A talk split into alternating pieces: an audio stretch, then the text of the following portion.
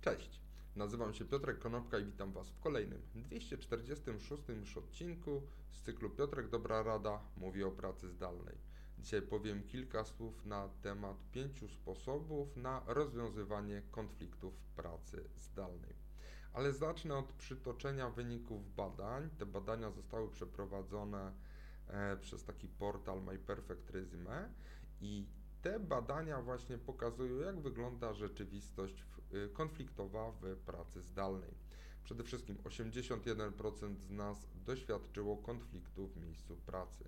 46% kłóci się przez komunikatory, 65% kłóci się ze współpracownikami, 19% z szefami, a swoimi bezpośrednimi, a co ciekawe 11% kłóci się z innymi szefami, a 5% z nas kłóci się z innymi firmami. 18% osób mówi, że e, te konflikty są spowodowane brakiem szczerości e, odnośnie jakichś ważnych rzeczy. 9% kłóci się o wartości, a 2%, czyli nieliczni z nas, mówią, że kłócą się z powodu fałszywych oskarżeń. 36% z nas czuje, że, e, czy ma takie poczucie, że ich szefowie są zbyt agresywni w swoich komunikatach pisanych, a 39% mówi, że przez te konflikty jest gotowych zmienić pracę.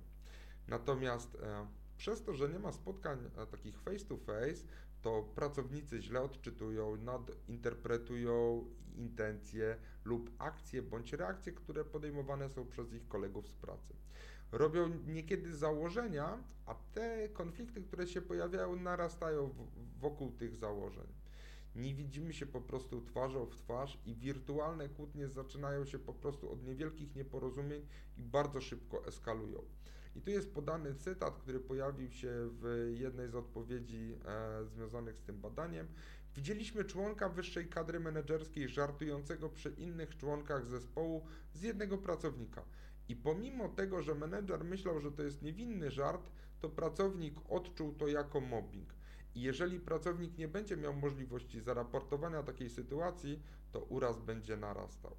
No i teraz obiecane e, pięć sposobów na to, żeby sobie radzić z tymi konfliktami. Po pierwsze, zbierz fakty. Porozmawiaj ze wszystkimi członkami zespołu zaangażowanymi w konflikt czy to przez telefon, przez maila, czy przez wideo. Zachowaj poufność w tych rozmowach i niech każdy z e, zaangażowanych przedstawi swój punkt widzenia.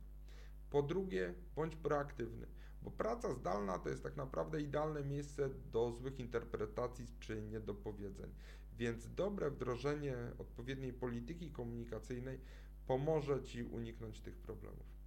Po trzecie, jasna komunikacja. Główne źródło konfliktów e, w pracy zdalnej leży właśnie w niejasnej komunikacji. Jeżeli jesteś pracownikiem i nie masz możliwości podejścia do swojego kolegi i wyjaśnienia sytuacji od razu, to musisz się po prostu jasno komunikować. Po czwarte, szefowie muszą być przesadnie komunikacyjni, bo ta przesadna komunikacja e, pozwoli na e, i jest najlepszym narzędziem dla szefów do gaszenia tych pożarów, w, które zaczynają się tlić jako niewielkie nieporozumienia. I po piąte, przyznaj, że w pokoju jest słoń. Po prostu bądź realistyczny w relacjach z pracownikami i to również zminimalizuje napięcie. To było pięć sposobów na to, jak e, zażegnywać konflikty w pracy zdalnej. Dzięki serdeczne, do zobaczenia i usłyszenia jutro. Na razie.